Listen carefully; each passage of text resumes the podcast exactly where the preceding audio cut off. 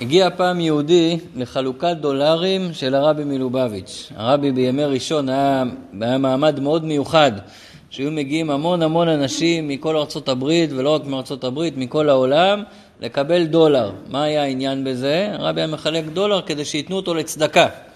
אמנם אף אחד מהחסידים לא רצה לתת את הדולר שהוא קיבל מהרבי, קיבלת משהו אישית מהרבי, שהרבי בעצמו נתן לך, בוודאי שלא תיתן אותו הלאה, אבל תמורת הדולר הזה נתנו דולר אחר לצדקה. המעמד המיוחד הזה, שהיה תור מאוד ארוך, שהשתרך לאורך כל 770 ולאורך כל הרחוב אה, מבחוץ, ממש לפעמים כמה בלוקים שאנשים חיכו, אז אה, היה גם הזדמנות להרבה אנשים גם לקבל אה, ברכה מהרבי וגם לפעמים להחליף כמה מילים, לעדכן על כל מיני דברים. ברוך השם זכינו שצילמו הכל בווידאו ואפשר לראות את הכל, כמעט כל אחד, גם מי דרך אגב שהיה וקיבל, יכול דרך האינטרנט לכתוב את התאריך שהוא היה והשעה שהוא היה ולמצוא גם את עצמו מצולם שם. והיום אה, עורכים את זה על כל מיני סרטונים ואפשר לראות הרבה דברים מאוד מאוד מעניינים שקרו שם. הרבה רבנים גדולים שעברו שם, הרבה פוליטיקאים גדולים אה, שעברו שם, וקרו שם דברים מאוד מעניינים. אני רוצה לספר על פעם אחת שהגיע לשם יהודי ממקום בארצות הברית שנקרא פלינט מישיגן, זה פרבר קטן, והוא בא מקהילה שם שיש אה, שליח של חב"ד, הוא עצמו לא חב"דניק, אבל הוא שייך לקהילה. והוא מגיע לרבי, רואים עם אה, ערימה של דפים, והוא אומר לרבי ככה בשמחה, בהתרגשות, שהבאתי לך את העותק הראשון שהדפסנו של ספר התניא אצלנו במקום הזה, פלינט מישיגן. למה הם הדפיסו אצלם את ספר התניא? כי כידוע שהרבי, חוץ מזה שביקש שכל אחד מאיתנו ילמד תניא בכל מקום שנמצאים, ודרך אגב, לא רק שכל אחד ילמד תניא לעצמו, אלא שילמד תניא. כל אחד לא צריך להסתפק במה שהוא לומד בשיעור, אלא להעביר את זה הלאה. אפשר לפתוח שיעור, אפשר לה... אולי לא לפתוח שיעור, אבל בשולחן שבת, לספר מה שמענו, כל המהות של החסידות וכל המהות של חסיד שהוא לא שומר לעצמו, אלא שתמיד הוא מעביר הלאה. דרך אגב, לא צריך להתבייש ולהגיד מי אני ומה אני, הרבי תמיד לימד אותנו שאם אתה יודע א', אז תלמד א', אל תחכה שתדע את כל א', ב' כדי להתחיל ללמד. מה שאתה יודע, אתה כבר יכול להעביר הלאה. בכל אופן, הרבי ביקש שלא רק שנלמד ונלמד תניא, אלא הוא ביקש שידפיסו את ספר התניא בכל מקום. בכל מושב, בכל עיר, בכל מדינה, שיעשו הדפסה מיוחדת של ספר התניא. לכן אם תסתכלו בסוף הספר, תראו שיש רשימה של כל המהדורות, כל המקומות שבהם התניא הודפס, ותראו, זה בכתב מאוד מאוד קטן, כי יש פה רשימה של אלפי מקומות. זה ספר קצת ישן מלפני כמה שנים, אז פה עוד היה בערך רק איזה ארבעת אלפים אה, מקומות, היום זה כבר עבר את השבעת אלפים מקומות, יותר מ... פה היה ארבעת אלפים חמש מאות, אבל זה מלפני כמה שנים מתן. מאז הספיקו להדפיס עוד בהמון המון מקומות ועברו כבר את השבעת אלפים מקומות, אולי שמונת אלפים, שבהם הדפיסו, אני בטוח שגם במושב חמד כבר הדפיסו. היה הדפסת טניה, יש בוודאי גם מהדורה, אולי נמצאת בבית כנסת אפילו, שכתוב עליה מושב חמד, גם המושב שאני בא ממנו, מושב ניר ישראל. בשנת תשמ"ד, 1984, כבר אז הדפיסו ספר התניא. אז הרבי אמר לעשות את זה, והחסידים ככה, כל הוראה של הרבי ישר רצים לבצע אותה, ועברו בכל המושבים. דרך אגב, כשהיה מלחמת לבנון, הדפיסו גם בביירות, וגם בצידון וצור, וכל מקום שאפשר. שיכלו, הדפיסו. מה העניין, דרך אגב, להדפיס את התניא בכל מקום? אז דיברנו פעם שעברה, שהבעל שם טוב שמע, שמע מהמשיח, שמתי משיח בא? לכשיפוצו מעיינותיך החוצה. שתפיץ את המעיינות, זה מקרב ביאת משיח. עכשיו המעיין זה הנביאה של המים, ומשם המים זורמים הלאה. אז אם אנחנו עכשיו לומדים טניה בכפר חב"ד, ומשם המים זורמים לכל הארץ, אז לא הבאנו את המעיין לכל מקום, הבאנו רק את המים. רבי אומר, אם אנחנו מדפיסים את התניא בכל מקום, אז לא רק המים מגיעים, המעיין עצמו מגיע לכל מקום. לכן העניין, יש עניין כזה להדפיס תניא בכל מקום, אז אותו אחד מספר לרבי, הנה הדפים שהתחלנו להדפיס את ספר התניא אצלנו במישיגן. ואז הרבי ענה לו תשובה שמאוד הפתיע אותו, הוא לא ציפה לזה, ותשובה מאוד עמוקה שהיא מאוד אה, בסיס ויסוד בשבילנו בלימוד התניא. רבי אמר לו כך, הוא ענה לו באנגלית, הוא אמר לו, you know, אתה יודע, תניא ספר התניא was not meant to put on the shelf. ספר התניא זה לא ספר שנועד לשים אותו על המדף. תניא was meant to put on the heart. ספר התניא זה ספר שנועד שנשים אותו בלב. רק כדי שהוא יגיע ללב, הרבי מסביר לו, צריך קודם כל ללמוד אותו ולהבין אותו, וזה דיברנו פעם שעברה באריכות, שעל ידי שמבינים ומפנימים, אז גם מרגישים. אז קודם כל לומדים אותו בשכל, אבל אחרי זה העיקר שנרגיש אותו, כי זה מה שהתניא כל הזמן מלמד אותנו, איך להגיע לאהבת השם ויראת השם. מה הכוונה להגיע לאהבת השם ויראת השם? איך לצאת מהמקום הזה שהמצוות שלנו הן טכניות, כמו רובוטים, רק עושים כי ככה כתוב, רק עושים מה שצריך, רק מסמנים וי וממשיכים הלאה. אנחנו רוצים לצאת מזה, אנחנו רוצים כמובן לעשות, אבל שהעשייה תהיה ספוגה וחדורה בשמחה, בהתלהבות, באהבה, ביראה. קצת אפשר להקביל את זה אה, לעולם של השלום בית, של הזוגיות. יכול להיות זוג שהבעל עושה כל מה שהאישה מבקשת, אבל איך הוא עושה את זה? הוא עושה את זה, הוא עושה לה טובה שהוא עושה את זה. אז היא מרוצה שהוא עושה כל, כל מה שהיא צריכה? אז הוא עוזר לה בבית, והוא מביא פרנסה, והוא עוזר לילדים, אבל הכל הוא עושה באופן אני עושה טובה. באמת הוא משדר, אני לא רוצה להיות פה, אבל אין לי ברירה, חתמתי על חוזה, חתמתי על הכתובה, התחייבתי, אני לא רוצה לעשות משהו אחר עכשיו, אז אני עושה את זה. אבל זה נקרא עשייה. זאת אומרת, האישה מרוצה מעשייה מהסוג הזה. אתן לכם לחזור לדוגמה של, אה, של תורה ומצוות. יכול להיות בן אדם, סיפרתי לכם שאני הייתי בשליחות בצפת, תשע שנים, במקום שנקרא אסנט. שמעתם על המקום הזה פעם? זה מעין בית מלון, אכסניה, בית הערכה, שמגיעים אנשים מכל הארץ ומכל העולם לשבתונים שם, לבוא וללמוד על יהדות, על חסידות, על פנימיות, כל מי שבארץ מתעניין ומתחזק ומחפש ככה מקום להעביר שבת אה, משמעותית ורוחנית, מגיעים למקום הזה לאסנט. עכשיו מגיעים גם הרבה אנשים שכרגע הם לא שומרי תורה ומצוות והם רק בגדר מתעניינים. או אפילו לא, סתם באו כי האישה רוצה לבוא, אז הוא בא עם אשתו. עכשיו כשהוא בא, כשהוא נמצא בתוך הבניין, הוא לא מדליק אש בשבת, לא מדליק סיגריה, הוא לא מוציא את הטלפון. למה? כי הוא מכבד את המקום. הוא אומר, אני לא מאמין בזה, אני לא בקטע, אבל בשבילכם אני עושה את זה. בשבילכם אני גם אהיה בסעודת שבת וגם אהיה בקידוש, אבל אני לא מחובר לזה. אז זה נקרא שהבן אדם עכשיו שומר שבת? אז מצד אחד, אם נסתכל על הצד הטכני המעשי, נכון, הוא שומר שבת, ברוך השם, אבל בצד הרגשי הוא נמצא שם או לא נמצא שם? בצד הרגשי הוא לא נמצא כרגע. כל התניא בא להכניס אותנו, שגם בצד הרגשי אנחנו נהיה בתוך העניין הזה. שנרצה את זה באמת, שנהיה מחוברים באמת. ואז עם אלה זה יהיה בשמחה, זה יהיה בהתלהבות, זה יהיה עם רגש, כל מה שדיברנו קודם. אבל בשביל שזה יגיע לרגש, זה צריך להיות קודם כל בתוך המוח. קודם כל צריך להבין את זה, והיום קצת נדבר מה צריך להבין, וכתוצאה מההבנה הזאת יהיה את הרגש, ואז אומר לו הרבי באותו מעמד של חלוקת דולרים, אומר לו משהו מאוד מיוחד, אומר לו, והעיקר שזה ירד למעשה בפועל. העיקר שבסופו של דבר זה ישנה את המעשים שלנו ביום-יום. באותו אחד, אותו אחד שהוא ככה קצת היה בהלם מזה, ובדיוק מי שעבר לפניו היה חבר סנאט בארצות הברית, מהבית המחוקקים שם. אז הרבי פונה אליו ואומר לו, אולי תקבע, אולי תציע שיחוקקו חוק על זה בסנאט. אז הוא ככה צוחק, אומר, איזה חוק? הוא אומר לו, שכולם ילמדו טניה, יבינו, ירגישו וירד למעשה בפועל. אז הוא ככה צחק, אבל הרבי התכוון ברצינות שבאמת זה מה שצריך. כי באמת, כשלומדים את זה, זה עושה את השינוי גם בשכל, גם ברגש, והכי חשוב, במעשה בפועל. אז פעם שעברה דיברנו שהתניא מתחיל במילים שזה ספר של בינונים. ואמרנו שבינוני זה מדרגה מאוד מאוד גבוהה, שזה לא כמו שזה נשמע. אבל לא הסברנו תכלס מה זה אומר. אני רוצה שהיום נתחיל להסביר מה זה אומר. אה, אדמו"ר הזקן מתחיל לדבר על זה בפרק א', אבל שימו לב שהמבנה של התניא והסגנון לימוד הוא סגנון קצת קשה לבן אדם הרגיל ללמוד אותו. זה נקרא סגנון ישיבתי. של הרבה שאלות והרבה דברים שצריך להבין, ואז הסברים אחרים, ורק בסוף מגיעים לתשובה. למשל, מה זה בינוני? אדמו"ר הזקן יענה על השאלה הזאת רק בפרק י"ב. בפרק א' הוא יקשה הרבה קושיות בשביל להראות לנו שזה לא מה שאנחנו חושבים. הוא לא יגיד מה זה בינוני, יגיד מה זה לא, אבל עוד לא יסביר לנו מה זה כן. הוא יגיד נשים בצד את השאלה, נלמד דברים אחרים, נלמד קצת על הנפש, תכף נראה, אנחנו נעשה סקירה מה נלמד, ורק בפרק י"ב יענה את התשובה.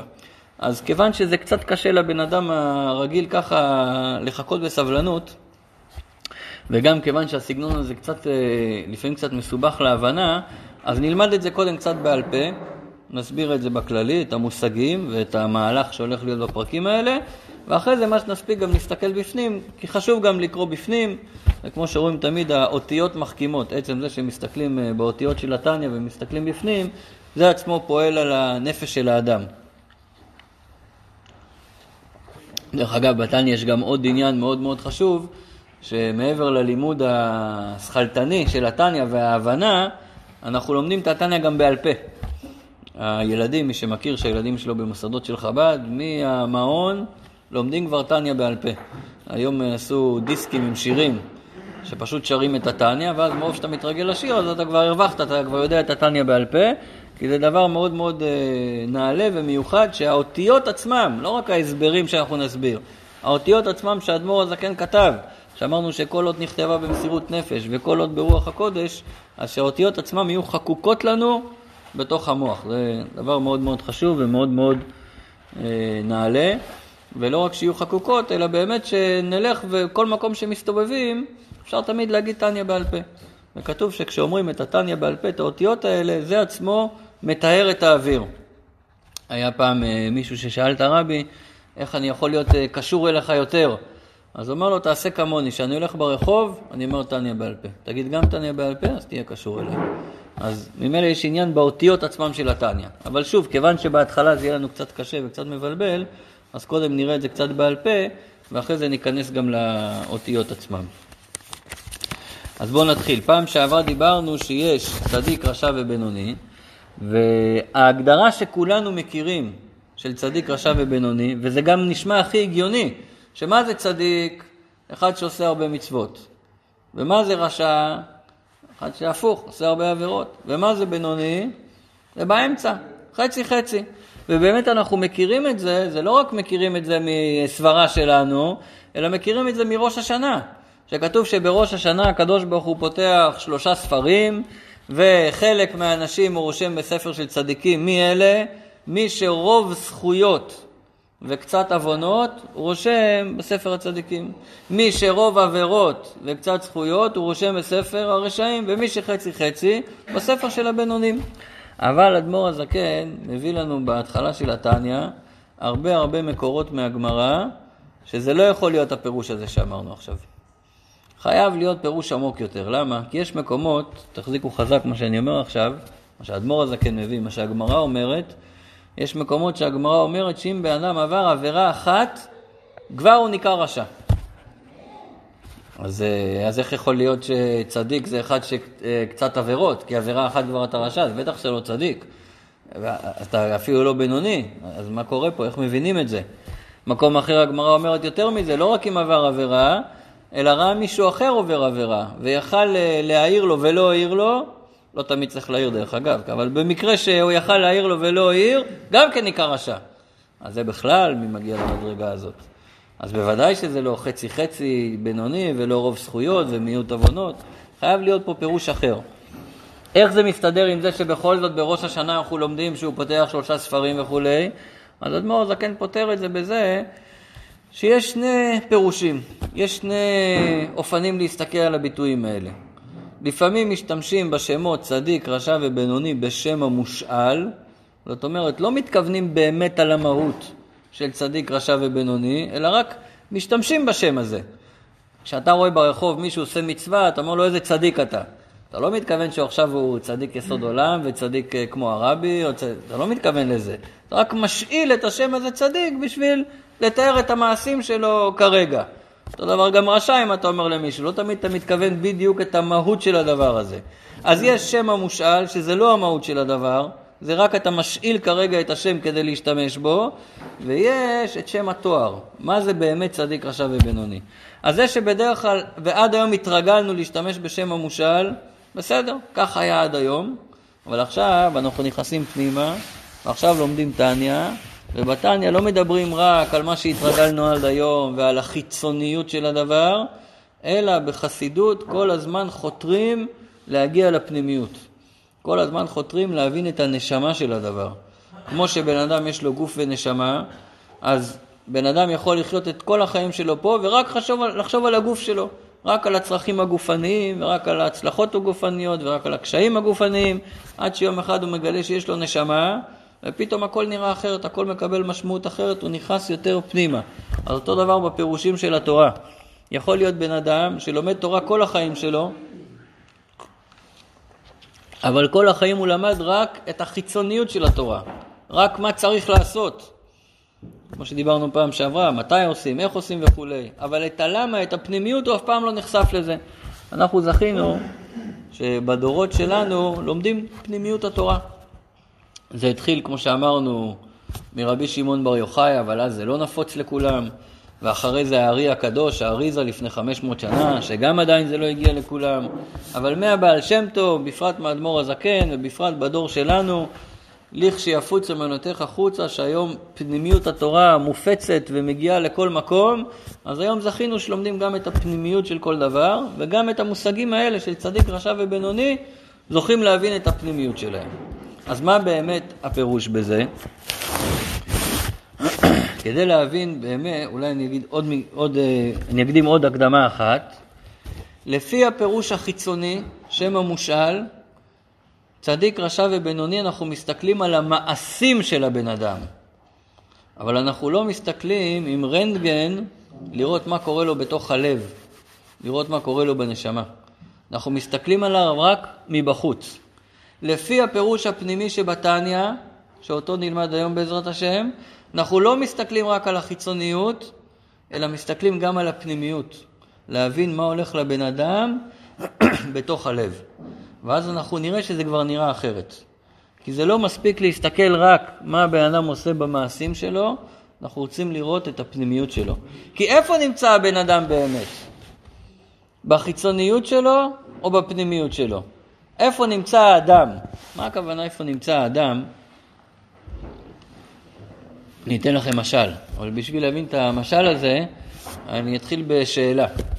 תחשבו על אנשים שאתם מכירים לאורך שנים, מהיסודי, מהתיכון, מהצבא, מהאוניברסיטה, מהישיבה, מהעבודה. תפגשו עכשיו בן אדם שלא ראיתם 20 שנה, 30 שנה, תחשבו בן אדם שאתם מכירים לאורך שנים. האם לאורך השנים אנשים משתנים או לא משתנים? הוא אומר לא משתנים. מה אתה אומר? משתנים. מה אומרים בעזרת נשים? משתנים? נשאל אתכם אחרת. אחרת. האם הבעלים שלכם משתנים או לא משתנים? הבעלים. תלוי בכם. אז שימו לב, כשאני שואל את השאלה הזאת, באמת, זו שאלה מתקילה, ובאמת כל אחד יכול אה, לענות לי בשאלה מתקילה בחזרה. כשאתה אומר שאנשים משתנים או לא משתנים, צריך קודם כל לשאול שאלה אחרת. מי זה האיש? מי זה הבן אדם שאתה שואל? מה, אתה התכוונת אם הוא מחליף את המלתחה? אם הוא יחליף סגנון אה, לבוש? אם הוא יחליף תסרוקת? אם הוא יחליף את הפאה? זה הכוונה אם משתנה או לא משתנה? מי זה הבן אדם? אז בואו נראה רגע מי זה הבן אדם. אדמו"ר כן מדבר על זה בפרקים ג'-ד' בתניא. עוד פעם, את הכל אנחנו גם נלמד בפנים, אבל קודם כל כדי להיכנס פנימה בקלות, אז אנחנו מסבירים את זה בעל פה קודם. מה הכוונה מי זה הבן אדם? אז אמרנו, יש את החיצוניות של הבן אדם, למשל הלבוש. אז בוודאי שלבוש יכול להשתנות. למרות שרואים שגם זה בדרך כלל, סגנון לבוש של בן אדם לא משתנה. כי בן אדם בלבוש רוצה לבטא את הפנימיות שלו. רוצה לבטא את מישהו. הלבוש, כתוב בגמרא שרבי יוחנן, רבי יוחנן קרא למאני מכבדותא. הוא קרא לבגדים המכבדים שלי. זאת אומרת, בלבוש אני מציג מי אני. לכן בשבת אני עולה על בגדים אחרים, כי אני רוצה עכשיו אה, לכבד את השבת, אני רוצה להרגיש את הקדושה. לא סתם אני לובש בגדים מסוימים, אני רוצה לייצג משהו מסוים. אבל זה החיצוניות של הבן אדם, וזה, אני לא שואל עכשיו אם משתנה או לא משתנה, אלא עקרונית, יכול להשתנות? בוודאי שיכול להשתנות. יכול להשתנות ברמה הכי פשוטה, שאם בן אדם הולך לעבוד עכשיו בחברה מסוימת, ואומרים לו פה יש קוד לבוש מסוים או מסוימים, אז הוא ילבש את זה, נכון? למה? כי ככה הוא יקבל את המשכורת, יקבל את העבודה הזאת. אין לו בעיה לשנות את הלבוש. טכנית זה אפשרי. אם נעלה עכשיו דרגה גבוהה יותר, נעלה למקום הבא בנפש, יש את החיצוניות של הבן אדם, שזה ההתנהגות שלו. האופן שבו בן אדם מתנהג. איך הוא הולך, איך הוא אוכל, ההרגלים שלו. ההרגלים של הבן אדם, האופן שבו הוא מתנהג, הוא יכול לשנות את זה או לא יכול לשנות את זה? יכול לשנות את זה. תמיד, דרך אגב. בן אדם יכול לשלוט במעשים שלו בכל מצב? מה אתם אומרים? יש את האוטומט, אבל אם הוא רוצה עכשיו לשלוט במעשים, מסוגל? מסוגל. מה אומרות עזרת נשים? מסוגל? מסוגל. ואם הוא עצבני? אה? ואם עצבנו אותו חזק? תראו, היסוד להכל זה שבן אדם מסוגל לשלוט במעשים שלו. כי אם בן אדם יבוא מול שופט, והטענה שלו תהיה שלמה הוא גנב, או היכה מישהו, או יותר גרוע מזה, הטענה שלו תהיה לא שלטתי במעשים שלי. אז מה השופט יגיד לו? או לכלא או לפסיכיאטרית. מה, מה זה לא שלטת? בן אדם מחויב לשלוט במעשים שלו. אה, היום המציאו בבית משפט איזה משהו ביניים, אה, temporary insanity. אי שפיות זמנית. הוא לא היה שפוי לכמה דקות ואז חזר להיות... אה, אבל בעיקרון כל אחד מבין שבן אדם מסוגל לשלוט במעשים שלו. הרי אחרת איך התורה מצווה אותנו עשה ולא תעשה? אז מה, אחרי 120 שנה בן אדם יעלה למעלה, למה לא עשית? לא שלטתי בעצמי. אם התורה ציוותה שזה אסור וזה מותר, סימן שהתורה נתנה לך את היכולת את זה לא לעשות ואת זה כן לעשות. אז זאת אומרת, המעשים של הבן אדם, האם זה הבן אדם או האם זה המעשים של הבן אדם? המעשים זה לא הבן אדם, זה המעשים של הבן אדם. אם נעלה רובד אחד יותר פנימה, בתוך הנפש, למעלה מהמעשים, יש את הדיבורים. בן אדם יכול לשלוט על הדיבור שלו, להחליט כמה לדבר, מתי לדבר, מה לא להגיד, מה כן להגיד. ככה בקלות אתם אומרים שיכול לשלוט בדיבורים שלו? הלוואי שזה היה כזה קל. לא קל אבל אפשרי. אם זה לא היה אפשרי, אז מה זה שהתורה אומרת לא לדבר לשון הרע? אבל זה לא אפשרי, בוודאי שזה אפשרי. דרך אגב, זה גם רואים בבית שלפעמים אה, יכול להיות שבבית יש קצת מריבה ויש קצת אקשן בבית ומתחילים ככה צעקות ואז פתאום אה, השכנה דופקת בדלת, היא צריכה איזה כפית סוכר. איך שהיא נכנסת כולם מחייכים, רגועים, עושים איזו הצגה יפה כזאת, איך שהיא יוצאת, חוזרים לאותו ווליום באותה שנייה, לאותה מילה, לאותו ריב, לאותו... זאת אומרת, אז למה עכשיו הם צועקים ולידיים מדברים יפה? אתה יכול להחליט שאתה מדבר יפה. השאלה היא, האם יש לך מספיק מוטיבציה לעשות את זה? אבל אם יש לך מספיק רצון ומספיק מוטיבציה, אתה יכול לקום מוקדם בבוקר, אתה יכול להפסיק לעשן, אתה יכול להפסיק לדבר מה שלא צריך לדבר, אתה יכול, לשמוע, אתה יכול לעשות הכל.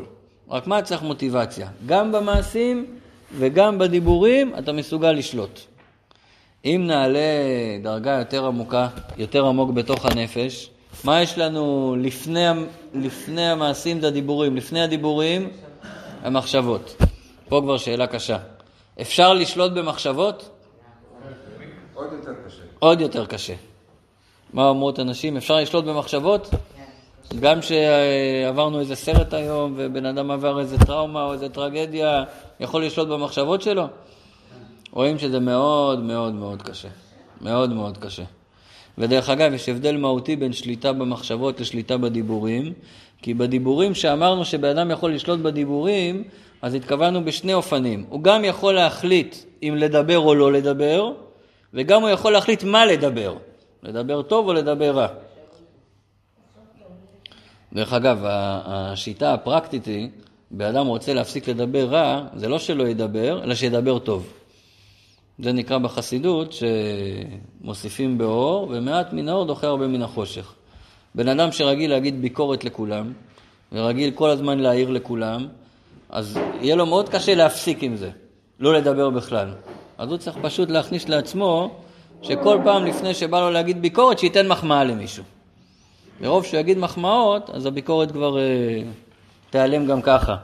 זה כמו איזה סיפור כזה, אה, אני לא זוכר את הפרטים, משהו בספרד, עם אה, אחד המלכים שהלך פעם ברחוב עם היועץ שלו, והיועץ היה יהודי, ומישהו שם שישב בצד אה, דיבר נגד המלך. אז המלך אמר ליועץ, תדאג שיורידו לו את הלשון. דיבר נגד המלך, צריך להוריד לו את הלשון. אחרי כמה חודשים עברו שם עוד הפעם, והוא רואה שהוא נמצא שם ויש לו לשון. אז אומר ליועץ, אני לא אמרתי לך להוריד לו את הלשון? אז אמר לו, אני הורדתי לו את הלשון הרע ושמתי לו לשון טובה במקום. אומרת, זה לא שיישאר בלי כלום, אלא יכניס את הטוב במקום הרע, והטוב כבר, בעזרת השם, ידחה את הרע. אז בדיבור אמרנו שאפשר לשלוט, הכוונה אפשר לשלוט מה לדבר ואם לדבר. במחשבות אפשר לנסות לנתב את המחשבה על מה לחשוב, אבל אפשר להפסיק לחשוב? להפסיק לחשוב אי אפשר. אנחנו נדבר על זה באריכות בתניא, מה זה מחשבה ולמה אי אפשר להפסיק לחשוב, אבל לכולנו ברור שאי אפשר להפסיק לחשוב, מה אפשר? לנתב את המחשבות, להחליף את המחשבה. להחליף במחשבה טובה, ואז המחשבה הלא טובה תיעלם, כי אי אפשר לחשוב יותר משתי מחשבות בבת אחת. אז פשוט תכניס מחשבה טובה, מחשבה הלא טובה תיעלם. לכן דרך אגב זה עוד סיבה שאנחנו לומדים טניה בעל פה, שכל פעם שיש מחשבות לא טובות, פשוט מתחילים לשנן בעל פה את מה שמכירים, וכיוון שזה אותיות של קדושה, והקדושה זה אור, אז האור דוחה את החושך. אז מחשבות עוד הפעם. אה, להגיד שאנחנו שולטים במחשבות, איך אומרים, אה, צאו מהסרט, אה? לא שולטים במחשבות, והפוך, המחשבות הרבה פעמים משגעות אותנו, אבל טכנית אנחנו מבינים שזה אפשרי, רק שזו עבודה מאוד מאוד קשה. וזה המאסטרים, כן, החסידים הגדולים שהיו מתפללים שעות, הם באמת הגיעו לדרגות מאוד גבוהות בזה. אה, רב מנדל פוטרפס, דמות מאוד מוכרת בחב"ד, היה חסיד מאוד מיוחד, ש... עבר את כל המחנות בסיביר, 17 שנות אה, גלות שהיה לו שם, וכלא, ומחנות וכולי וכולי, ושאלו אותו אחרי איך עברת את כל זה, איך שרדת, ואיך שמרת על הצלם היהודי שלך והשפיות שלך. אז הוא אומר, זה ששמרתי את כל המצוות שם וזה, זה לא ה... על זה אני לא מתגאה. זה ברור, זה אי אפשר אחרת. אם אתם מחפשים מה עשיתי שם שמגיע כל הכבוד על זה, שנשארתי בשמחה כל הזמן. עם כל זה שהוא היה שם רגע לפני מוות ובסבל נוראי, אבל את השמחה לא לקחו לו. אז זה באמת דרגות מאוד מאוד גבוהות, זה לא הדרגות שלנו, כן? אבל אנחנו שואפים. צריך גם תמיד לדעת אה, לאן לשאוף, אף על פי שלא מגיעים לכל הדרגות, צריך גם תמיד לדעת לאן לשאוף. דרך אגב, זה גם אפשרי בדור שלנו, היה בדור שלנו סיפור מדהים שממש קרה עכשיו, לפני שנתיים היה השיא שלו, אה, יהודי מארצות הברית, חסיד חב"ד, שנכנס לכלא, הייתה לו משחטה בארצות הברית, אולי שמעתם את השם, אה, שלום רובשקין, הייתה לו משחטה, סיפור שלם שהוא נכנס לכלא והיה אה, ערעורים וניסו להוציא אותו וכולו וכולו, ותשע שנים הוא היה בכלא ויום אחד חנינה מנשיא ארצות הברית. משהו לא מהעולם הזה, כמו שמחת תורה, שמחה שאי אפשר לדמיין אותה בכלל. סיפור מאוד מאוד מיוחד, אולי פעם נספר אותו בהרחבה, יש שם דברים מאוד מיוחדים, אבל כל השנים האלה שהיה בכלא, כל מי שבא לחזק אותו, לבקר אותו, יצא מחוזק משם. כי הוא כל הזמן נשאר בשמחה ונשאר עם הרגשה של ביטחון בהשם. ביטחון מאוד מאוד חזק בקדוש ברוך הוא, שהנה הגאולה שלי מגיעה. דרך אגב, אשתו סיפרה שהיא תמיד היה לה באוטו, כל השמונה שנים האלה, הכובע שלו של שבת והשרטוק, החליפה של שבת, כל הזמן היה באוטו, כי אמרה, הנה מגיעה הבשורה שהוא משתחרר. ובאמת ככה זה קרה. אחרי הערעור התשיעי שנדחה, והמכתב שהוא מקבל בחנוכה, לפני שנתיים, שהערעור התשיעי נדחה, ואין יותר ערעורים. זהו, עוד 18 שנים בכלא, לך לדבר עם הקיר, אין עם מי לדבר יותר. 19 שנים בכלא. אה, והוא מספר, והייתי צריך להתפלל הלל באותו יום, בחנוכה, להגיד תודה להשם. אז הוא אמר הפוך, כשראיתי שהערעור הזה נדחה, אמרתי, או, עכשיו אין מה לסמוך יותר על עורכי דין, אין מה לסמוך יותר על הערעורים, עכשיו רק הקדוש ברוך הוא. יומיים אחרי הוא קיבל חנינה מנשיא ארצות הברית. ובאמצע היום אשתו מקבלת טלפון מהעורך דין, מספרת שהיא באוטו, ולא היה לה מתן בדיוק, והפלאפון על אחוז אחד. והיא רואה את המספר של העורך דין בטלפון. היא עונה לטלפון, היא אומרת לו, יש לי רק אחוז אחד, מה אתה אומר? מה, מה, מה, למה התקשרת באמצע היום? סי עכשיו לבית הכלא, את מוציאה אותו משם. ונכבה לה הטלפון. אומרת, אני רוצה להתקשר לכל העולם, לספר להם. אי אפשר לספר, רק לקרוא את התהילים, כבר יודעת את כל התהילים בעל פה, כבר תשע שנים היא אומרת כל יום את כל התהילים, כבר... טוב, נחזור לעניין שלנו.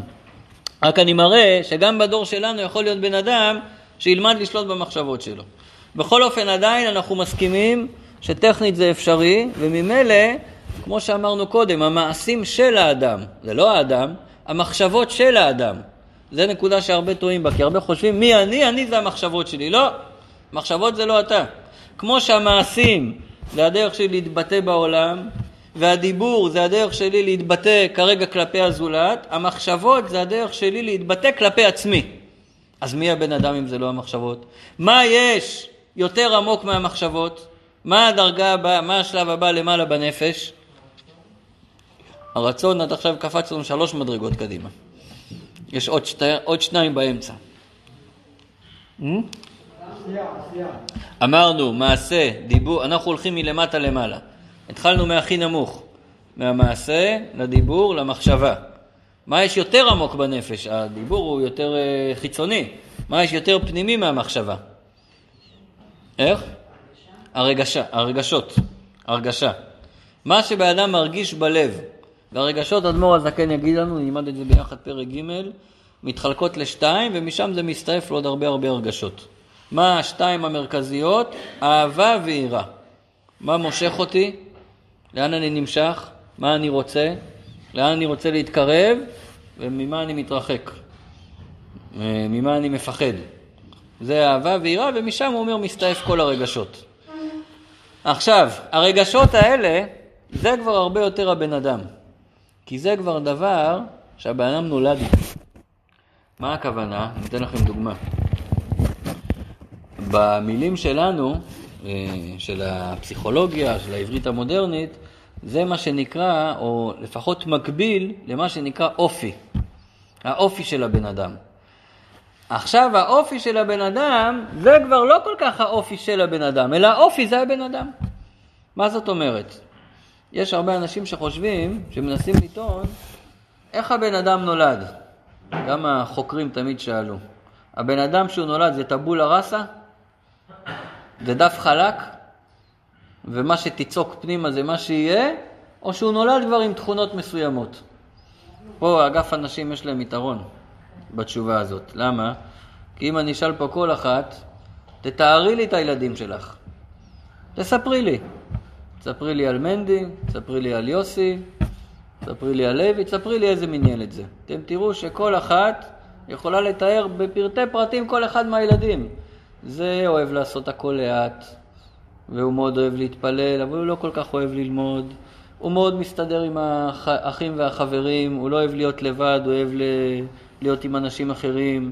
הוא מאוד אוהב את הבגדים בצורה הזאת, הוא מאוד... כל אחת תוכל לתאר את כל אחד מהילדים שלה לפרטי פרטים. ומאיזה גיל כבר היא תוכל לתאר אותם? באיזה גיל כבר קלטתם את האופי של הילד? כמה זמן אחרי שהוא נולד? מהר מאוד. יש כאלה אומרים שנתיים, יש אומרים חודשיים, יש אומרים שעתיים. יש כאלה אומרים כבר בבטן קלטתי, אם יהיה לו אופי כזה או אופי כזה. למה? כי האופי הזה זה דבר שהבן אדם נולד איתו. זה מישהו. הוא אחד אה, חרוץ, הוא ההפך מחרוץ. כל אחד עם האופי שהוא נולד איתו. דרך אגב, באותיות של אה, שלום בית וזוגיות, אה, בדרך כלל זה היסוד לבעיות בשלום בית. מה זאת אומרת? אה, זוג מגיע לייעוץ ומתחילים להתלונן אחד על השני. היא לא עוזרת לי, הוא לא עוזר לי מספיק בבית, והיא לא מספיק מכבדת אותי, והוא לא עושה את זה מספיק בשבילי, ו... טוב, אז אתה אומר להם, רגע, ואם היא תעשה מעכשיו זה יהיה בסדר? ואם הוא יעשה מעכשיו זה יהיה בסדר? האמת שלא. כי זה לא הבעיה ההתנהגות החיצונית שמפריעה לי. מפריע לי מי שהוא, זה מה שמפריע לי. מפריע לי האופי שלו. למה הוא כזה? למה הוא רוחני מדי, יותר מדי באוויר? למה הוא לא יכול להיות מקורקע? למה היא כזאת אה, איטית, עושה הכל לאט? למה היא לא יכולה להיות קצת יותר אה, תקתקנית? מה היא כזאת עדינה? היא לא יכולה להיות קצת אה, תקיפה? מפריע לנו האופי של השני. אה, אה, נסיים את המשל רק, כיוון שמפריע האופי של השני, אז לא משנה אם הוא ישנה את ההתנהגות או לא, זה לא יפתור את הבעיה. כי הבעיה נמצאת ברובד הרבה יותר עמוק. ושהשני מרגיש שאני מפריע לו עם האופי שלי, איזה הרגשה זה עושה לך? נאחס, מה, אתה נעלב, מה, אני לא מספיק טוב בשבילך? אה, אני לא מספיק טוב? טוב, אז עזוב, אז, אז אני לא מנסה בכלל. מה כל אחד רוצה היום? מה כל ילד רוצה? מה כל בן אדם רוצה? קבל אותי כמו שאני, אל תשנה אותי ואל, ואל תעיר לי ואל תגיד לי אני לא בסדר, תקבל אותי כמו שאני, אני אזרום איתך, אבל קודם כל תקבל אותי כמו שאני. עכשיו באמת, צודק, למה? כי זה באמת מישהו. טוב, אז רק נחזור עכשיו, אני לא רוצה שנבלבל בין המשל לנמשל, כי בתניא, מה שאני אומר עכשיו, לא בדיוק כתוב. זאת אומרת, הוא לא מדבר על האופי, אני אמרתי את זה בתור משל, הוא מדבר על הרגשות של אהבה ויראה. הרגשות האלה, אהבה ויראה, שם נמצא הבן אדם. אה, שם נמצא הבן אדם, אבל הרגשות האלה גם כן ניתנים לשליטה. למה הם ניתנים לשליטה? כי הרגשות האלה, מאיפה הן מגיעות? מה משפיע על הרגש? מה יותר עמוק מהרגש? אמרנו מעשה, דיבור, מחשבה, רגש. מה יותר עמוק מהרגש? השכל. השכל משפיע על הרגש. מה זאת אומרת? שאני יודע שמשהו הוא טוב, שמשהו הוא טוב, אז אני נמשך אליו. כשאני יודע שהוא רע, אז אני בורח ממנו. זאת אומרת שמה שיש לי בשכל משפיע גם כן על הרגש. אבל אם נחלק עכשיו את החמש מדרגות שדיברנו, שכל, רגש, מחשבה, דיבור ומעשה, אז ממחשבה ומטה, מחשבה, דיבור ומעשה זה החיצוניות של הבן אדם, והרגש והשכל זה הפנימיות של הבן אדם. עכשיו בואו נחזור לשאלה, האם אנשים משתנים או לא משתנים? במעשים הם משתנים, קשה מאוד, דרך אגב, זה גם נדיר, כן? קשה מאוד, אבל הם יכולים להשתנות. בדיבור הוא יכול להשתנות, במחשבות הוא יכול להשתנות, אבל בשכל וברגש, באופי שלו, אנשים משתנים? קשה למצוא שהם משתנים. אני אסביר. אני אתן לכם דוגמה. אני למדתי בישיבה של חוזרים בתשובה. הישיבה ממוקמת במקום מאוד מיוחד, רמת אביב ג', שם נמצאת הישיבה. ומול הישיבה יש את האוניברסיטה, אוניברסיטת תל אביב. והיינו מוסרים שם שיעורים באוניברסיטה, למי שמתעניין, והיו חבר'ה שעזבו את האוניברסיטה ובאו לישיבה, עזבו הכל באוניברסיטה ועכשיו החליטו שהם תלמידי ישיבה. אז אם ניקח רגע אחד כזה, נחקור אותו רגע. אחד שהיה באוניברסיטה, עזב ונכנס לישיבה. המעשים שלו ביום-יום השתנו? בטח שהשתנו. גם הבגדים שלו השתנו. הוא בא להתפלל עכשיו, הוא הולך למקווה, מניח תפילין, בטח שהשתנה. הדיבורים שלו השתנו? בטח. עכשיו הוא לומד גמרא, הוא לא לומד עכשיו מדעי המחשב. לומד גמרא, משנה, הלכה, משתדל לא לדבר לשון הרע, לדבר דברים טובים. המחשבות שלו השתנו? גם כן. הרגשות שלו, האם הוא אוהב את הדת או לא אוהב את הדת, זה השתנה? זה השתנה. למה, למה זה השתנה? כי השקפת העולם שלו השתנתה. אבל האופי שלו השתנה. אם באוניברסיטה הוא היה ליצן, שתמיד אה, מצחיק את כולם ועושה שמח, מה יקרה בישיבה? לא דבר. ואם הוא היה חרשן, שתמיד יושב לומד, מה יהיה בישיבה? שער החרשן. זאת אומרת, האופי הזה זה דבר שנשאר. אז אם כן, מה עם כל עבודת המידות, שבן אדם צריך לעבוד עבודת המידות ולהשתנות ולתקן את עצמו? אז קודם כל, עיקר העבודה היא בלבושים, שזה מחשבה, דיבור ומעשה. זה קודם כל. ברגשות, באופי, זה לא להפוך מליצן לחרשן, אלא זה לקחת את התכונות שיש לך ולהשתמש בהן בצורה הנכונה. לנתב אותם למקומות הנכונים. זה דבר אחד. דבר שני זה לעדן אותם. שזה לא יהיה באופן uh, תקיף ובאופן uh, בהמי, אלא זה יהיה באופן, באופן עדין.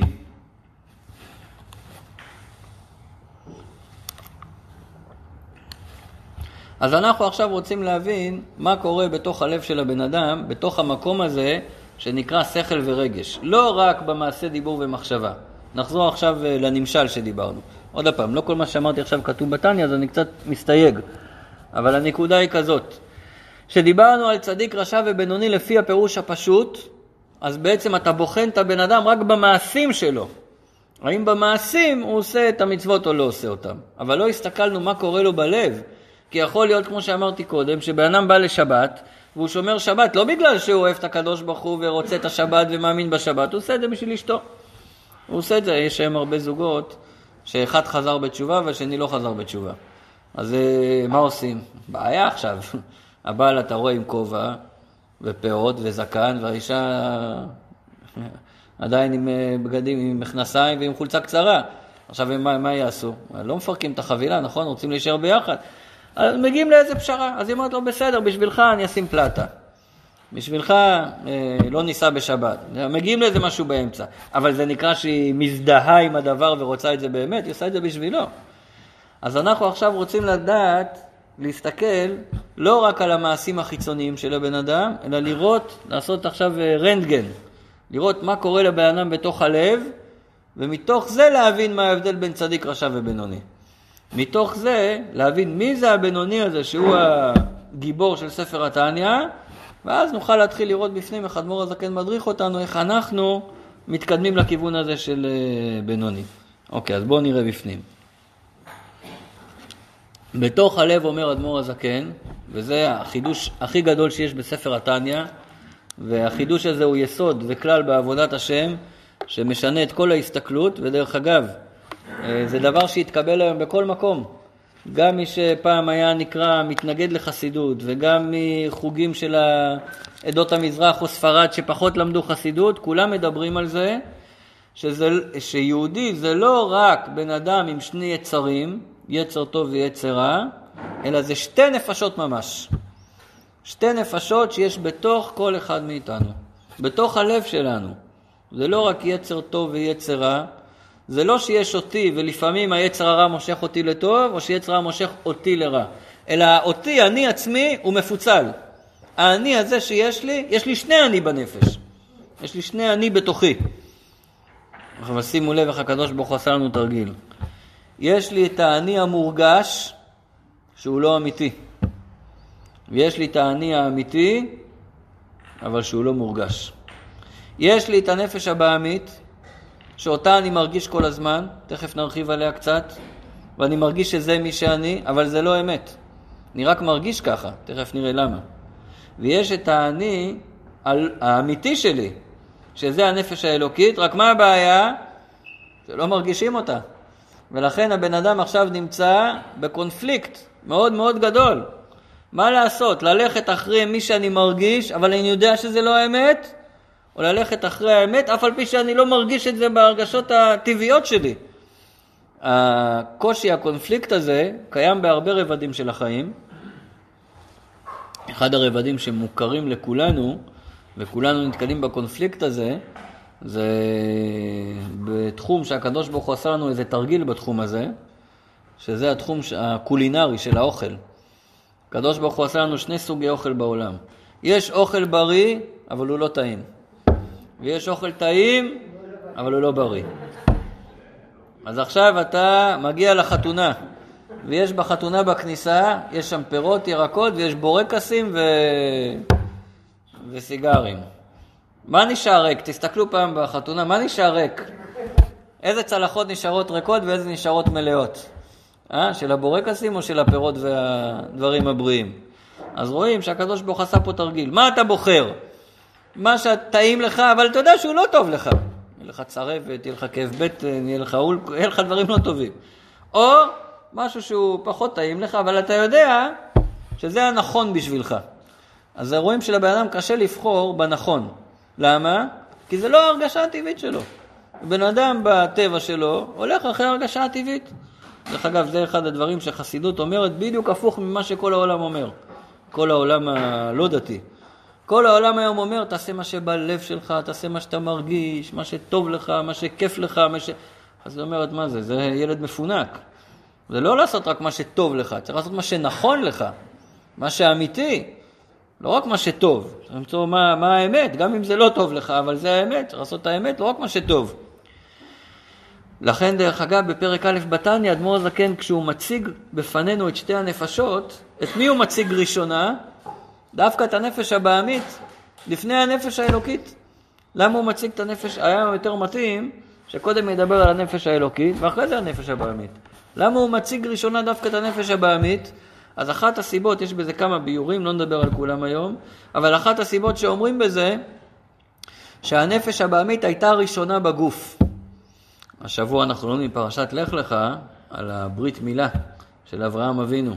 אז באמת תמיד כתוב שילד שהוא נולד בברית, מתחילה הנשמה להיכנס לגוף, ורק בבר מצווה זה גמר כניסת הנפש הקדושה בתוך הגוף. אז מה היה כל 13 השנה? זה הנפש הבעמית בעיקר.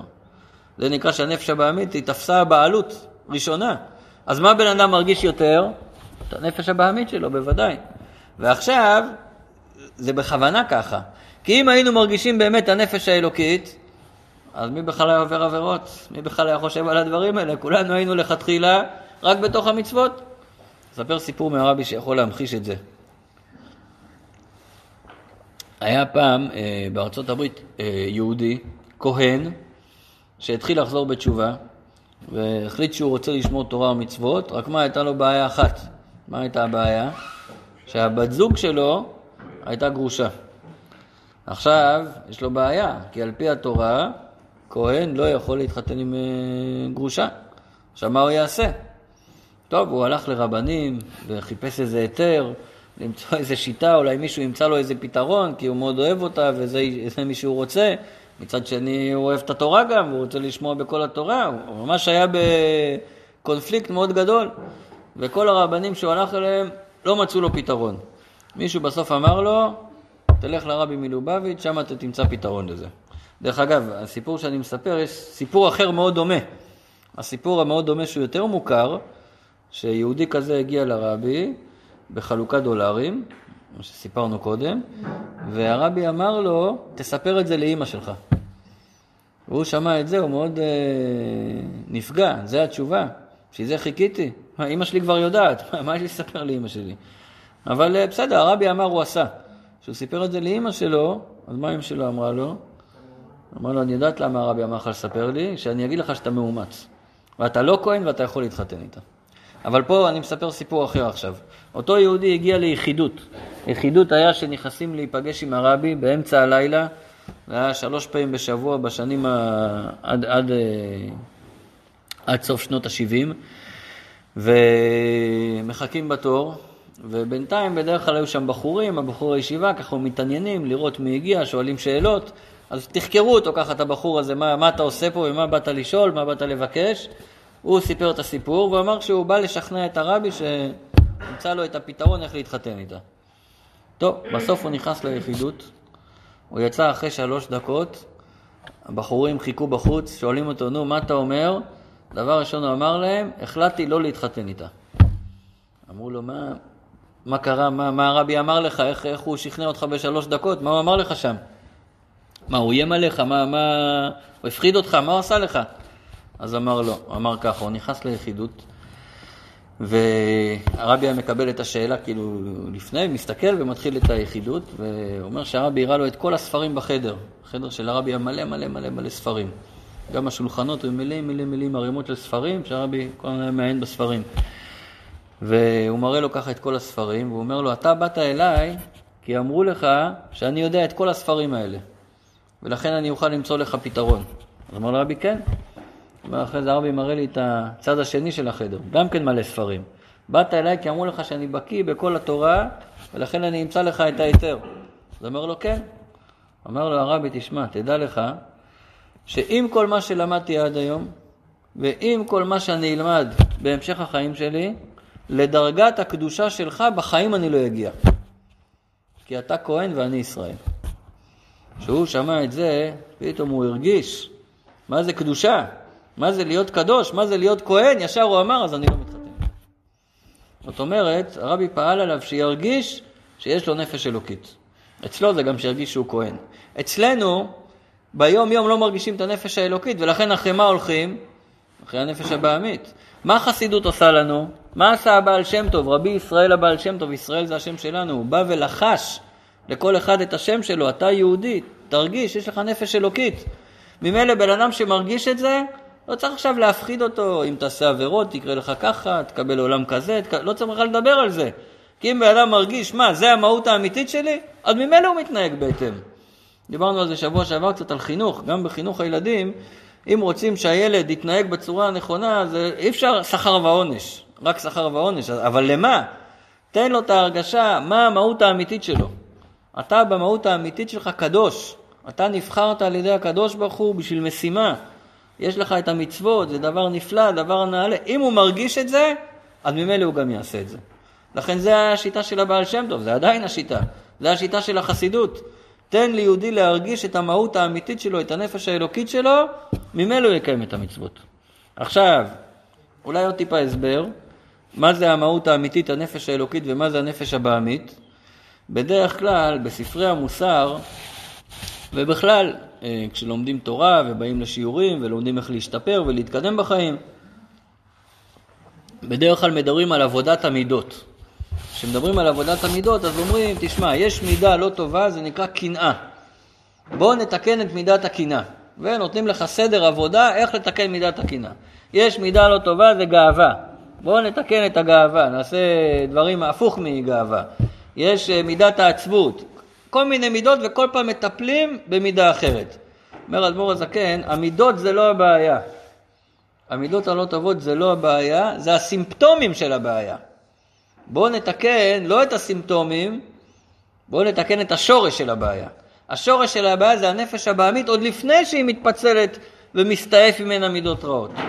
עצם זה שבן אדם מרגיש, אני מרכז העולם והכל סביבי והכל בשבילי, זה הבעיה של הבן אדם. ואת זה אנחנו רוצים לתקן. איך מתקנים את זה? אז כמו שאמרתי קודם, סתם להגיד לא, לא לעשות כלום זה לא יעזור, צריך להחליף את הזהות הלא אמיתית הזאת של האני המורגש, של הנפש הבעמית, ולגלות את הזהות האמיתית שלי. מה הזהות האמיתית שלי? זה הנפש האלוקית. עוד פעם, אנחנו עושים היום עדיין כללי כזה, אחרי זה גם נקרא בפנים את הדברים האלה, אבל פשוט כדי שניכנס פנימה בקלות יותר. אז עכשיו, בואו נסתכל רגע מה זה צדיק, רשע ובינוני. הצדיק, אומר אדמו"ר הזקן, זה אחד כזה שבמאבק הפנימי שלו בלב בין הנפש האלוקית לנפש הבעמית, יש ניצחון מוחלט לנפש האלוקית. הוא מרגיש תמיד, לא רק שהוא עושה מה שהיא אומרת, הוא מרגיש תמיד את הנפש האלוקית. האני הלא מורגש הזה אצלנו, הוא מרגיש אותו תמיד.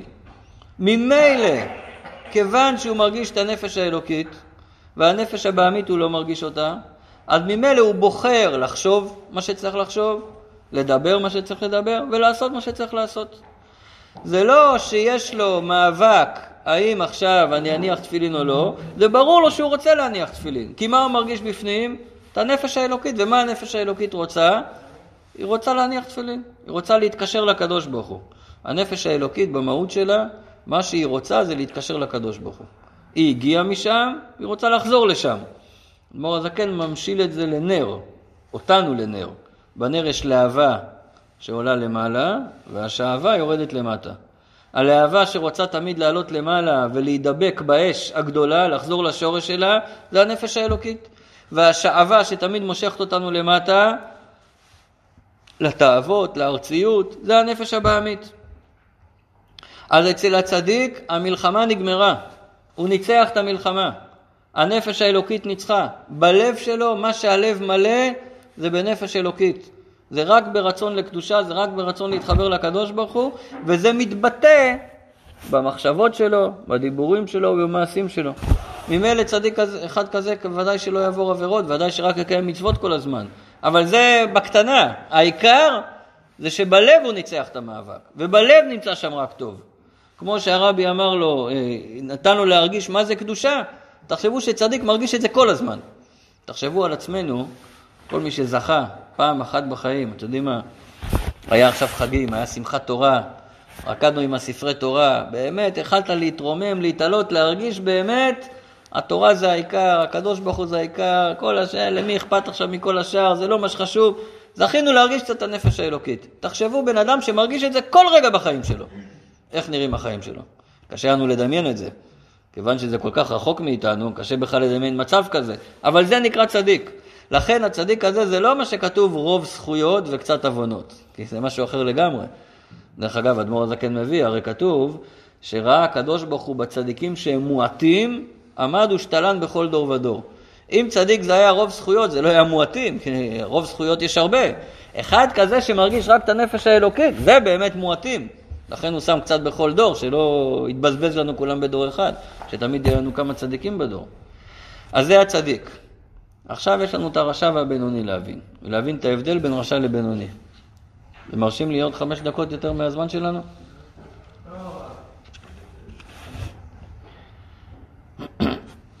אצל הרשע, בלב, סליחה, אצל הבינוני בלב, יש גם את האלוקית וגם את הבהמית, והם במלחמה. היא לא נגמרה המלחמה. הם כל הזמן רבות ביניהם, מי תהיה בעלת הבית. אבל בנוגע למחשבות שלו, לדיבורים ולמעשים, הוא מבטא רק את הנפש האלוקית. איך הוא מצליח? הרי יש לו גם את הצד השני. יש לו משמעת עצמית מאוד חזקה. יש לו שליטה עצמית מאוד חזקה. הוא לא מפונק, הוא לא עושה מה שבא לו, הוא יודע לעשות את הדבר הנכון. ולכן אף על פי שבלב יש לו עדיין רצון לדברים שליליים, במעשה הוא תמיד שולט בעצמו, וגם בדיבור וגם במחשבה. עד כדי כך שלא עבר עבירה מימיו ולא יעבור עבירה מימיו. הוא לא עובר עבירות אף פעם, זה נשמע לנו צדיק, אם הוא לא עובר... אז מה ההבדל בינו לבין הצדיק? אם תסתכלו מבחוץ לא תראו הבדל. אם תסתכלו מבחוץ, שניהם עושים מצוות ולא עוברים עבירות. אבל אם עם הרנטגן תסתכלו בפנים, תראו שבלב שלו עוד יש מלחמה, אצל הבינוני, ובלב שלו כבר אין את המלחמה הזו.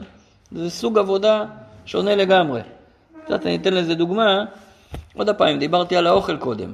יש אחד כזה שהתחיל לאכול בריא, כי הרופא אמר לו, תשמע, אם לא תאכל בריא, חבל על הזמן שלך, אתה חייב לאכול בריא.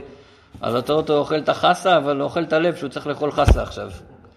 ויש אחד כזה שהלך ולמד את זה, וכל כך התחבר לזה, הוא רוצה לאכול בריא, בלי קשר לרופא. הוא רוצה מעצמו. מעצמו הוא לא רוצה כבר את כל האוכל הלא טוב.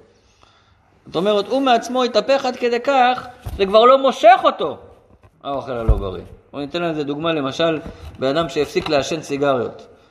יכול להיות, הוא הפסיק לפני עשר שנים, אבל עדיין בא לו להדליק סיגריה. ויכול להיות שהוא עשה כזה תהליך, זה לא מעניין אותו בכלל, הוא, זה בכלל לא, הוא לא נמצא שם בכלל, הוא מקום אחר לגמרי. הצדיק מקום אחר לגמרי. לכן ממילא לא מדליק סיגריה, כן? לא עושה דבר שאסור. הבינוני הוא לא במקום אחר, עדיין יש לו את המאבק הפנימי הזה, אבל הוא שולט בעצמו. אז מי זה הרשע אם ככה? שימו לב, הרשע הוא, הוא, הוא גם בדרגה מאוד גבוהה, הרשע של התניא. הלוואי שנהיה רשעים של התניא. הרשע במאבק הפנימי, באמת הנפש הבעמית שולטת שם בלב. באמת, כמו שאמרתי קודם, זה מה שהוא מרגיש, מה אפשר לעשות? עד גיל 13 היה רק נפש בהמית, זה מה שהוא מרגיש. אבל בנוגע למעשה בפועל, הוא מצליח לשלוט בעצמו, אבל לא תמיד. זאת אומרת, מה ההבדל בין הבינוני לרשע? ההבדל המהותי ביניהם? זה תמיד מצליח לשלוט בעצמו, וזה לא תמיד מצליח לשלוט בעצמו. אה, אנשים לומדים טניה פעם ראשונה, אומרים, זה לא פייר. מה, פעם בשנה שלא שלטתי בעצמי, אתה קורא לי רשע? זה, זה לא נעים לשמוע את זה. אז באמת צריך להבין שפשוט זה לא הרשע שרגילים לשמוע. שומעים רשע, חושבים מישהו בכלא, כן? זה, זה לא הכוונה. רשע, הכוונה לפי אדמו"ר הזקן, שיש בו עדיין רע. יש בו עדיין נפש בעמית. הבינוני, הוא פשוט הגיע לתודעה כזאת, שכל כך ברור לו מה האמת, וכל כך ברור לו שצריך לעשות את האמת, והוא כל כך תרגל את עצמו בעניינים של שליטה עצמית, שבאמת הוא תמיד שולט בעצמו, באמת הוא תמיד שולט בעצמו, ולכן הוא לא ייפול. הרשע הוא מאוד דומה לבינוני, הוא גם כן שם, אבל הוא לא לגמרי שם, ולכן לפעמים הוא עדיין נופל. עכשיו לפי זה נבין, הלוואי בינוני, על כולנו. צדיק זה בכלל אה, לא בכיוון, זה עולם אחר לגמרי. בינוני, הלוואי שנהיה בינונים. רשע, ברוך השם, הלוואי בינוני. זה אמרתי בכללי, כי יש צדיק וטוב לו, צדיק ורע לו, רשע וטוב לו, רשע ורע לו, וכל אחד מהם יש הרבה מדרגות. כל הדברים האלה עוד נלמד. מה שעשינו היום בעצם זה כמו סקירה של ה... עד פרק 12 בתניא, עד פרק י"ב. רק בשביל להבין את המושגים, ועכשיו יהיה לנו הרבה יותר קל אה, להתחיל ללמוד בפנים ולהבין אה, מה הנקודה. אבל בואו נקרא רק שורה אחת, בשביל שבכל זאת נקרא גם בפנים. העמוד וחצי הראשונים של פרק א', זה כל השאלות שאדמו"ר הזקן שואל, כדי להבין שאנחנו לא מבינים ולהתחיל לענות את התשובות. אז אני מדלג רגע לשאלות האלה, לעמוד 10. עמוד 10, בחלק, ה, בוא נגיד בשליש התחתון של העמוד, יש שורה שבאמצע השורה יש נקודותיים. אחרי הנקודותיים כתוב אך ביור העניין. אתם רואים את זה? אז רק נראה פה שתי שורות. אך ביאור העניין על פי מה שכתב הרב חיים ויטל ז"ל. הרב חיים ויטל זה תלמיד של הארי ז"ל. והוא כותב בספר בשער הקדושה ובעץ חיים שער נ' פרק ב' שלכל איש ישראל, אחד צדיק ואחד רשע, יש שתי נשמות. היסוד לכל ההבנה של מה זה צדיק, רשע ובינוני, והיסוד לכל הדרך שהוא ידווה לנו, זה קודם כל ההבנה שאני לא רק בן אדם אחד עם שני יצרים, אלא שתי נשמות ממש. שתי נפשות, תכף הוא יגיד. נפש בעמית, שזה כל האינטרסים וכל האגו וכולי, והנפש האלוקית. וכל העניין זה המשחק והמאבק ביניהם. עכשיו, בשביל שנצליח לנצח את המאבק, בשביל שנצליח להגיע לשליטה העצמית ונתקרב להיות אה, בינוני, בשביל זה עכשיו צריך להבין טוב טוב מהי כל אחת מהנפשות. ולכן מפרק ב', ג', ד', ה', הוא ידבר על הנפש האלוקית, ואחרי זה פרק ו', ז', ח', הוא ידבר על הנפש הבעמית. פרק ט' הוא יסביר לנו מה, איך נראה המאבק ביניהם, ואז בפרק י' הוא יסביר לנו מי זה הצדיק, שתי הדרגות שבזה, י"א מי זה הרשע, ומי"ב עד י"ז מי זה הבינוני. אז השלב הבא שלנו עכשיו בלימוד זה באמת להיכנס לעומק, להכיר את הנפשות. אתם יודעים, זה כמו שמשחקים אה, שחמט, אז uh, צריך קודם כל לדעת מה כל כלי יודע לעשות. זה רק באלכסון, וזה רק בדילוגים, וזה רק קדימה, וזה לכל הכיוונים. עכשיו אפשר לשחק, עכשיו אפשר להתחיל את המלחמה. אז אנחנו נלמד uh, על כל אחת מהנפשות, מה המהות שלה, מה הכוחות שלה, מה הלבושים שלה, מה השאיפות שלה, ואז לפי זה נדע באמת איך להפעיל את כל המערכת. טוב, נעצור כאן.